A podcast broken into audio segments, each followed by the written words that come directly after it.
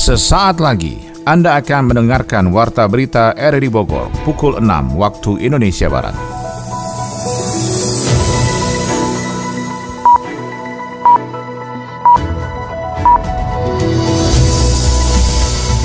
Selamat pagi dan salam jumpa. Kembali kami hadir dalam Warta Berita edisi hari ini, Jumat 25 Agustus 2023. Siaran kami bisa Anda dengarkan lewat audio streaming di RRI Play dan bisa Anda dengarkan juga di audio on demand di Spotify, Anchor, Portal, dan Google Podcast. Berita utama pagi ini adalah 111.000 warga Kabupaten Bogor kesulitan air bersih akibat kekeringan. Tiga pelaku pengoplos gas LPG bersubsidi diamankan polisi. Hal tersebut tentunya merugikan keuangan negara karena gas 3 kg atau gas melon disubsidi oleh pemerintah untuk warga yang tidak mampu. Warga Bogor resah maraknya praktek prostitusi online. Wanita tersebut dewasa dan modusnya dari si mucikari berkomunikasi dengan konsumen lewat aplikasi WeChat. Saya Maulana Isnarto, inilah Warta Berita selengkapnya.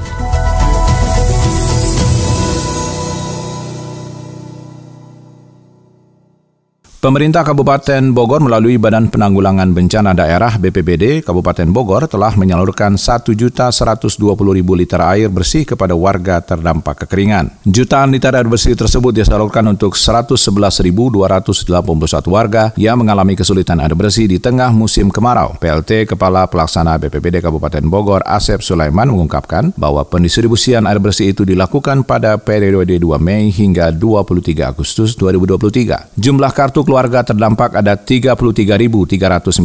Asep menyebutkan jumlah daerah yang terdampak kekeringan dan mengalami krisis air bersih semakin meluas. Pada 22 Agustus 2023 ada 19 kecamatan dan 64 desa yang terdampak kekeringan. Sehari kemudian, 23 Agustus, jumlah kecamatan terdampak kekeringan atau krisis air bersih ada 22 kecamatan dengan 69 desa. Asep memaparkan berdasarkan data sebaran titik dampak kekeringan yang dimiliki BPBD Kabupaten Bogor, wilayah paling banyak terdampak kekeringan adalah wilayah barat, di mana saat ini data yang ada 9 kecamatan dengan total 32 desa terdampak.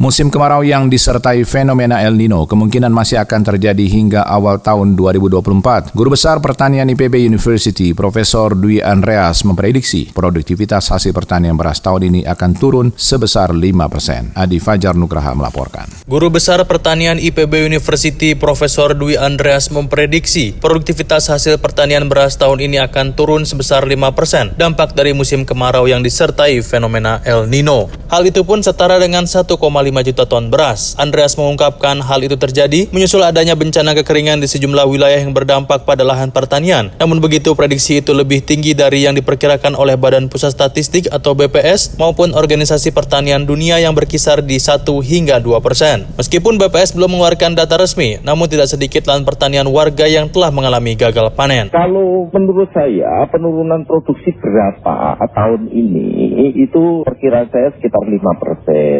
5 persen itu berapa? 5 persen itu setara satu setengah juta beras dibanding tahun lalu. Kalau perhitungan BPS itu hanya sekitar 2 persen, nah 2, sekian persen. Kalau mendapat dari data yang sudah dirilis oleh BPS untuk produksi padi dari bulan Januari sampai Oktober itu hanya turun 2,35 persen dibanding tahun lalu. Bahkan kalau perhitungan internasional USDA itu menghitung hanya sekitar 1 persen penurunan produksi. Kondisi ini menurut Andreas perlu diwaspadai oleh masyarakat khususnya para petani sebab musim kemarau disertai El Nino ini kemungkinan masih akan terjadi hingga awal tahun depan. Para petani diminta untuk mempersiapkan mitigasi pengairan yang berkoordinasi dengan pemerintah daerah setempat. Tahun ini itu dari berbagai tidak hanya BMKG ya, di berbagai ramalan internasional juga kan eh, tergolong sedang, masa sedang lah golongannya. Dan ini ya memang dimulai di Agustus. Kemungkinan masih akan sampai awal tahun depan. Jadi ini yang memang perlu sedikit diwaspadai. Sementara itu menurut Kepala Stasiun Klimatologi Jawa Barat Rahmat Persetia, bahwa wilayah Jawa Barat sudah memasuki musim kemarau bahkan ada beberapa wilayah yang sudah mengalaminya sejak Juni lalu. Hal itu terlihat dari analisis perkembangan cuaca yang dilakukan pada tiga bulan terakhir yang menunjukkan hujan tidak turun dalam rentan 10 hingga 30 hari di sebagian besar wilayah Jawa Barat. Ia menyebut bahkan puncak musim kemarau akan terjadi pada Agustus hingga September mendatang. Wilayah Jawa Barat ini warnanya hampir dominan coklat. Artinya apa? Hampir 20 sampai 30 hari, bagian besar Jawa Barat itu tidak ada hujan sama sekali. Kalau kita turun kembali di daerahnya, maka yang dominan tadi di pesisir selatan sampai pesisir utara dan sebagian wilayah sekitar Bogor yang berwarna coklat. Artinya apa? Memang kemarau sudah masuk sejak bulan Juni, Juli. Puncaknya kemarau adalah bulan Agustus tadi. Sehingga definisi kemarau adalah tidak adanya hujan. Sehingga dampaknya apa terhadap lingkungan kita? Tentunya sangat relatif jika kondisi lingkungannya mungkin barangkali catchment area tidak bagus atau hal terkait dengan drainase nggak bagus, maka akan terasa sisi kekeringan. Data dari Dinas Pertanian Provinsi Jawa Barat menyatakan ada sebanyak 12 ribuan hektar lahan pertanian mengalami kekeringan. Pemerintah daerah diminta untuk mengantisipasi agar kondisi kekeringan tidak meluas dan mempersiapkan penampungan air untuk menyuplai aliran irigasi ke lahan pertanian warga. Polisi mengamankan tiga pelaku pengoplos gas LPG bersubsidi di Desa Taman Sari, Kecamatan Rumpin, Kabupaten Bogor. Tiga pelaku berinisial TS sebagai pemilik usaha, MF pengelola usaha, serta AS sebagai pengawas lapangan. Yofri Haryadi melaporkan. Satreskrim Polres Bogor mengamankan tiga pelaku pengoplos gas LPG bersubsidi di Desa Taman Sari, Kecamatan Rumpin, Kabupaten Bogor. Pelaku tidak hanya mengoplos gas subsidi 3 kg ke gas 12 kg, melainkan ke gas 5,5 kg. Kasat Reskrim Polres Bogor AKP Yohanes Redoi Sigiro mengatakan hasil pengungkapan terdapat 83 gas 5,5 kg dan gas LPG 3,5 kg yang disita. Satuan Reskrim Polres Bogor dan Polsek Rumpin sebagai barang bukti. Tiga pelaku berinisial TS, pemilik usaha ilegal, MF, pengelola usaha ilegal, dan AS, pengawas lapangan. Modus operandi yang dilakukan pelaku adalah memindahkan isi gas subsidi 3 kg dengan cara disuntik menggunakan konverter gas rakitan ke dalam tabung gas non-subsidi. Selisih yang tinggi untuk setiap kilogram isi ulang gas tersebut menjadi alasan pelaku melakukan modus dimaksud. Negara dirugikan 3,5 juta, sehingga kalau ditotalkan dalam satu bulan terhitung 110 juta lebih keuntungan yang mereka hasilkan dari usaha ilegal itu. Para pelaku melakukan penyuntikan tidak dilakukan di gudang tetapi di sebuah lapangan untuk menghindari kecelakaan ledakan. Kita berada di Desa Taman Sari, Kecamatan Rumpin, Kabupaten Bogor. Adapun tiga pelaku yang kita amankan, yang pertama berinisial TS. Hal tersebut tentunya merugikan keuangan negara karena gas 3 kg atau gas meron disubsidi oleh pemerintah untuk warga yang tidak mampu atau masyarakat yang tidak mampu dengan harga yang cukup murah tetapi dipindahkan ke gas yang non subsidi. Dari hal tersebut yang bersangkutan para pelaku ini mendapatkan keuntungan. Kita bisa lihat bersama ini adalah selang suntik.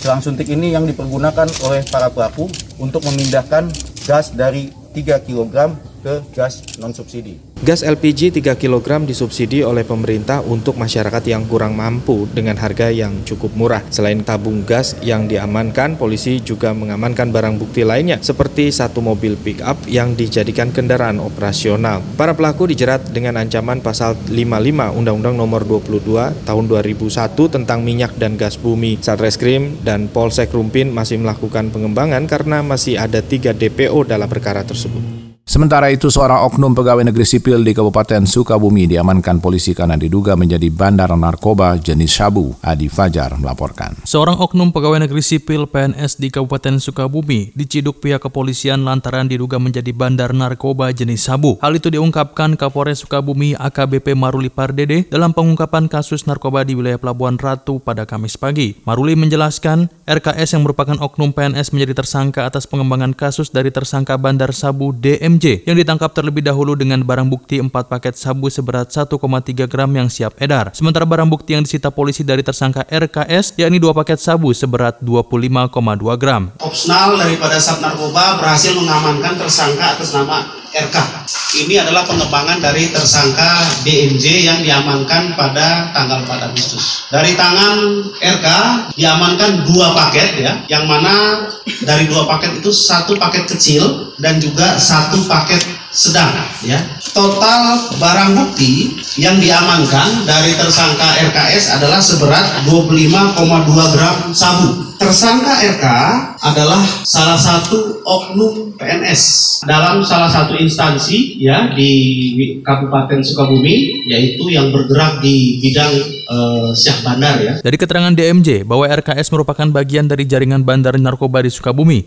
Untuk mempertanggungjawabkan perbuatannya, para tersangka pengedar narkoba disangkakan dengan pasal 114 dan atau pasal 112 dan atau pasal 111 Undang-Undang Republik Indonesia Nomor 35 Tahun 2009 tentang narkotika dengan ancaman pidana penjara minimal 4 tahun dan maksimal seumur hidup. Dan diterapkan Undang-Undang Nomor 35 Tahun 2009 pasal yang disangkakan adalah pasal 114 dan atau pasal 112 dan atau pasal 111 Undang-Undang RI nomor 35 tahun 2009 tentang narkotika dengan ancaman pidana penjara maksimal seumur hidup. Dari pengembangan tersangka DMJ sebelumnya yang diamankan tanggal 4, tersangka RKS adalah bagian daripada bandar DMJ sehingga RKS juga kita terapkan pasal 114 yaitu mengedarkan. Sejak akhir Juli 2023, polisi juga berhasil meringkus 17 tersangka lainnya atas penyalahgunaan narkotika jenis sabu, daun ganja kering, dan obat keras terbatas dari 16 tempat kejadian perkara di wilayah hukum Polres Sukabumi. Polres Sukabumi mengimbau kepada seluruh masyarakat untuk berperan aktif menyelamatkan generasi muda dari peredaran barang haram narkoba.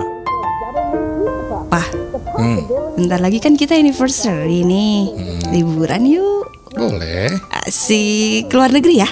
Aduh, ngapain sih keluar negeri mah? Di Indonesia kan banyak tempat wisata. Kita kan belum pernah ke tempat yang keren-keren. Jadi bagus gitu loh, Pak, kalau posting di media sosial. Emangnya Mama mau wisata ke mana sih? Mau ke pantai? Mau. Itu ada Labuan Bajo tuh, dijuluki kota seribu sunset. Kalau misalnya Mama mau ke cagar alam eksotis, nggak usah jauh-jauh ke Afrika. Kita ke Savana Bekol aja di situ Bondo, yang jadi bagian dari Taman Nasional Baluran. Atau misalnya nih, hmm. Mama mau trekking kayak tembok besar Cina gitu. Ada. Ada namanya Janjang Koto Gadang yang punya julukan The Great Wall-nya Sumatera Barat. Oh, ternyata seru juga ya keliling Indonesia ya. Kapan nih kita berangkatnya? Cinta Indonesia bukan cuma mengenal budaya dan keseniannya saja, tapi juga ikut berkontribusi memajukan pariwisatanya. Liburan di Indonesia aja. Warga Kota Bogor resah maraknya praktek prostitusi online di lingkungan mereka. Sony Agung melaporkan. Praktek prostitusi online di Bogor sangatlah menjadi gangguan bagi masyarakat sekitar. Hal itu terlihat saat adanya masyarakat yang melaporkan praktek prostitusi online bahkan di berbagai tempat seperti kosan dan rumah tinggal dengan mengirimkan pesan singkat ke lapor Kapolresta Bogor Kota dengan dugaan tersebut sehingga polisi langsung melakukan penanganan dari data dan fakta yang tersampaikan. Kapolresta Bogor Kota Kombes Pol Bismo Teguh Trako Prakoso menjelaskan saat ini semua langkah penanganan untuk menyerap aspirasi masyarakat berlangsung dengan adanya kegiatan menyambangi warga dan juga meminta data keterangan dari laporan yang masuk ke nomor aduan kepolisian setempat. Berdasarkan laporan masyarakat yang masuk itu semua menjadi keterangan awal untuk menuju pengungkapan saat berlangsung saat ini karena petugas menangkap sejumlah pelaku mucikari yang melakukan praktek prostitusi online di sebuah rumah kosan di kawasan Bogor Timur, Kota Bogor. Berdasarkan aduan dari masyarakat ya. Ada masyarakat yang mengadukan kepada saya di nomor aduan ini tentang aktivitas prostitusi online yang ada di berbagai tempat di wilayah Kota Bogor dan berhasil kita ungkap ya kasus prostitusi online itu di wilayah Bogor Timur ya Bogor Timur di Hotel Papaho ya, Sukasari di wilayah Bogor Timur. Ini kita ungkap tanggal 19 Agustus Sabtu jam 23.30 dan kita amankan eh, pria yang menjadi mucikarinya penghubungnya dari aktivitas prostitusi online tersebut di mana dari pria ini menjajakan tiga wanita yang juga melakukan pekerjaan prostitusi online. Kita terapkan pasal 298 KUHP dan atau 29 KUHP dan atau 506 KUHP dengan ancaman hukuman 1 tahun 4 bulan. Semua laporan tersebut tentu sangat berharga bagi kepolisian untuk dapat mengungkap jaringan yang lebih besar dari prostitusi online karena polisi terus melakukan pengembangan dari penangkapan kasus tersebut untuk dapat memperoleh jaringan yang lebih dekat karena ada sedikit tersangka yang belum tertangkap. Ketiga wanita tersebut dewasa dan modusnya dari si mucikari ya, berkomunikasi dengan konsumen lewat aplikasi micet kemudian baru si mucikari bertemu dengan konsumen kemudian mengantarkannya e, kepada wanita yang dijajakan. Wanita itu standby di hotel tersebut. Dan kita amankan setiap transaksi itu berkisar Rp250.000 sampai dengan Rp600.000 dari si mucikari dari kegiatan itu mendapatkan keuntungan Rp50.000. Kegiatan ini akan terus kita lakukan, kita gencarkan dan masyarakat alhamdulillah masyarakat Kota Bogor memberikan informasi ya kepada kita, kepada saya melalui nomor aduan ini dan saya langsung teruskan kepada Kasat Reskrim dan alhamdulillah berhasil diungkap. Dan hari ini ya kita lakukan press release Masyarakat juga dapat melakukan cegah dini dengan adanya pengecekan kepada penyewa atau penghuni kos-kosan agar tetap menjaga ketertiban umum dengan tidak melakukan kegiatan yang terindikasi melanggar hukum atau norma aturan seperti prostitusi online. Organda Kota Bogor mendukung upaya penataan transportasi umum terutama angkutan kota di kawasan sistem satu arah lingkaran Kebun Raya Bogor. Sony Agung Saputra melaporkan. Penataan transportasi umum terutama angkutan kota di pusat kota Bogor saat ini menjadi sorotan dari pemerintah daerah dan organda setempat. Pembahasan penataan tersebut sudah berlangsung dari DPRD Kota Bogor dengan adanya pansus transportasi yang akan melakukan sejumlah pengaturan regulasi terkait menciptakan transportasi massal yang layak. Ketua Organda Kota Bogor Sunaryana mengatakan setuju dengan adanya upaya penataan transportasi umum terutama angkutan kota di kawasan sistem satu arah lingkar Istana Kebun Raya Bogor dengan adanya peraturan yang mendukung di dalamnya seperti pansus tersebut. Dalam aturan memang ada sejumlah kemungkinan tergantung kebijakan pemerintah daerah untuk mengambil keputusan terkait usia angkutan 10 atau 20 tahun. Namun saat ini juga ada peraturan yang menjadi ketetapan untuk angkutan kota berukuran kecil haruslah berusia 10 tahun, sedangkan untuk berukuran besar bisa mencapai 20 tahun. Untuk itu penataan transportasi umum di pusat kota yang saat ini didominasi angkutan kota bisa bergeser ke wilayah menjadi feeder atau pengumpan untuk transportasi berbasis yang melayani di rute utama Kota Bogor. Secara logika kita berpikirnya jelas kalau lebih dari apa yang mereka inginkan juga kan kurang baik. Artinya kendaraan itu juga kan nggak ada batas umurnya, jadi ada batas umurnya. Kemungkinan itu batas umur itu nanti akan diatur. Kemungkinan perencanaan penataan kota transportasi kota Bogor ini kan yang di tengah kota itu harus mungkin karena ikon ya terlihat jelas gitu jadi mereka yang dari luar ini kalau mau masuk ke Bogor kan pastinya ke tengah kota. Nah tengah kota ini harus rapi, harus tertib, harus bagus angkotnya. Sebetulnya cuma itu sih kalau menurut saya. Nah kalau yang batasan umurnya sudah lebih dari 15 atau sampai 20 tahun itu kan memang pasti diakomodir sama pemerintah. Cuma posisinya itu bukan di tengah kota. Nanti akan diberikan ruang tersendiri. Menyikapi hal tersebut, pemerintah daerah Kota Bogor juga melakukan penataan kawasan pusat kota agar lebih layak untuk keberadaan transportasi umum untuk menunjang kegiatan masyarakat. Wakil Wali Kota Bogor Teddy Rahim menjelaskan saat ini harus ada upaya untuk menciptakan sistem transportasi massal yang representatif sehingga ada peralihan moda transportasi dari pribadi ke umum untuk mengurangi emisi gas buang dari kendaraan. Untuk itu, teknologi armada transportasi umum ramah lingkungan saat ini menjadi kajian dari pemerintah daerah bersama sejumlah instansi lainnya agar nantinya akan terdapat pembukaan dua koridor tambahan untuk bis kita melayani masyarakat yang beraktivitas sehari-hari. Dengan pemerintah pusat dalam hal ini Kementerian Perhubungan, uh, kami berencana mungkin dalam waktu yang tidak terlalu lama akan melaksanakan uh, semacam rapat koordinasi untuk memastikan bahwa dua koridor baru ini bisa mengaspal paling tidak di tahun ini atau paling lambat di awal tahun depan. Kita ingin memastikan itu dan koordinasi-koordinasi ini sangat penting karena sinergitas dan kolaborasi di antara semua instansi khususnya di dalam penanganan transportasi di Kota Bogor ini tahapannya itu harus selalu berproses ya.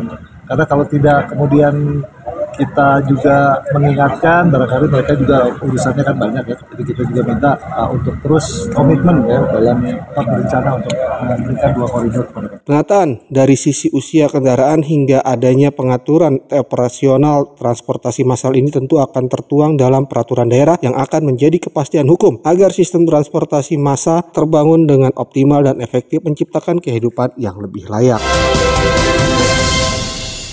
Info ekonomi kali ini soal pemerintah mendorong percepatan Digital Economy Framework Agreement. Bank Pembangunan Asia ADB memperkirakan 155,2 juta orang di negara berkembang di Asia Pasifik hidup dalam kemiskinan ekstrim. Kita ikuti info ekonomi bersama Adi Fajar Nugraha. Pemerintah terus mendorong optimalisasi transformasi digital di tanah air terutama di ranah ekonomi dalam menyongsong Indonesia Emas 2045.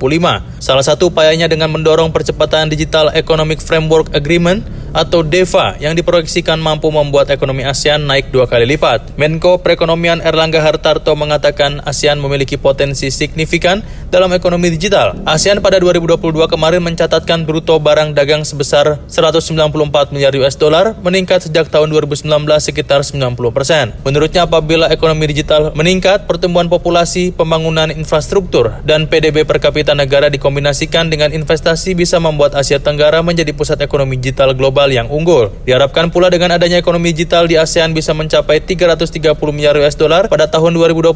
Pada tahun 2030 berjumlah sekitar 1 triliun US dollar dan hampir 40 persen berada di Indonesia. Pemerintah Indonesia telah melakukan berbagai upaya untuk mempercepat pengembangan ekonomi digital termasuk pengembangan infrastruktur, peningkatan keterampilan digital, dan literasi untuk membina entrepreneurship, serta membentuk zona ekonomi khusus untuk infrastruktur digital. Bank Pembangunan Asia atau ADB memperkirakan 155,2 juta orang di negara berkembang yang berada di Asia Pasifik atau 3,9 persen populasi kawasan tersebut hidup dalam kemiskinan yang ekstrim. Hal itu dipicu meningkatnya krisis biaya hidup imbas lonjakan inflasi yang terjadi tahun lalu. Masalah juga dipicu penyebaran pandemi COVID-19 dalam tiga tahun belakangan ini. ADB mendefinisikan masyarakat hidup dengan kemiskinan ekstrim jika pendapatan kurang dari 2,15 US dollar per hari. Kepala Ekonom ADB Albert Park mengatakan jumlah kemiskinan ekstrim itu 60 7,8 juta lebih tinggi jika dibandingkan tidak ada pandemi dan lonjakan inflasi. Ia menambahkan lonjakan inflasi telah membuat masyarakat miskin menjadi pihak yang paling dirugikan. Pasalnya karena lonjakan itu, mereka kehilangan kemampuan dalam membeli kebutuhan pokok seperti makanan dan bahan bakar karena harganya semakin mahal. Tak hanya itu, kenaikan harga barang juga membuat banyak masyarakat miskin kehilangan kemampuan untuk menabung, membayar layanan kesehatan atau berinvestasi di bidang pendidikan. Info olahraga, pengurus cabang Federasi Arung Jeram Indonesia Kabupaten Bogor meminta semua klub mengirimkan atletnya berlatih bersama. Manchester City masih mencari-cari pengganti Kevin De Bruyne yang mengalami cedera. Informasi selengkapnya dilaporkan Ermelinda.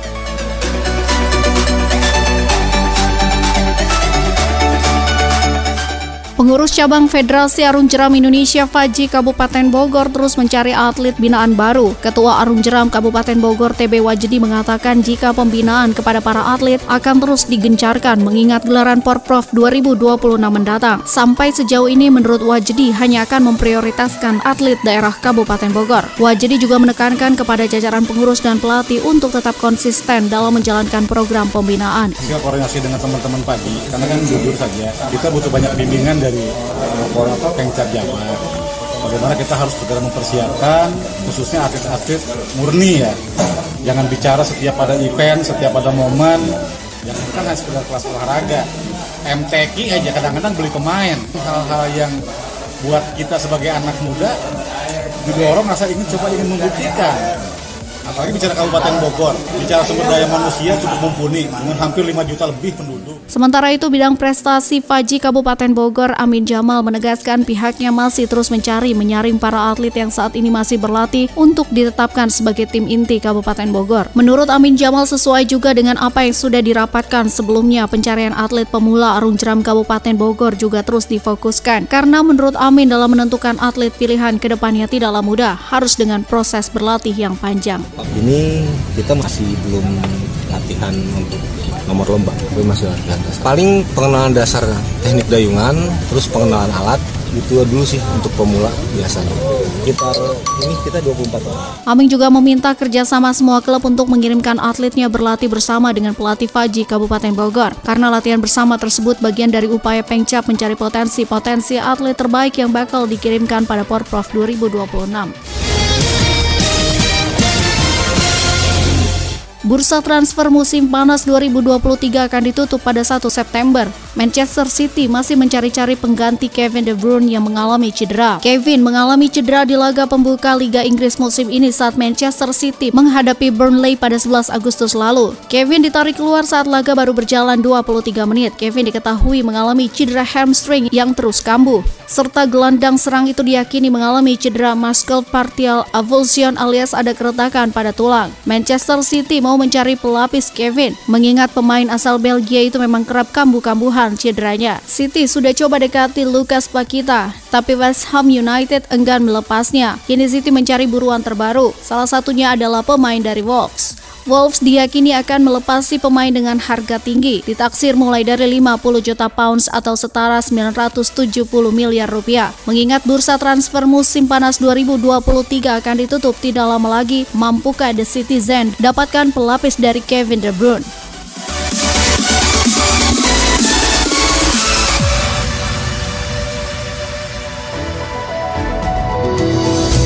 Demikian rangkaian informasi yang kami hadirkan dalam Warta Berita di edisi hari ini. Sebelum berpisah, kami kembali sampaikan berita utama. 111 ribu warga Kabupaten Bogor kesulitan air bersih akibat kekeringan. Tiga pelaku pengoplos gas LPG bersubsidi diamankan polisi. Warga Bogor resah maraknya praktek prostitusi online. Mewakili kerabat kerja bertugas, saya Maulana Estato mengucapkan terima kasih. Selamat pagi.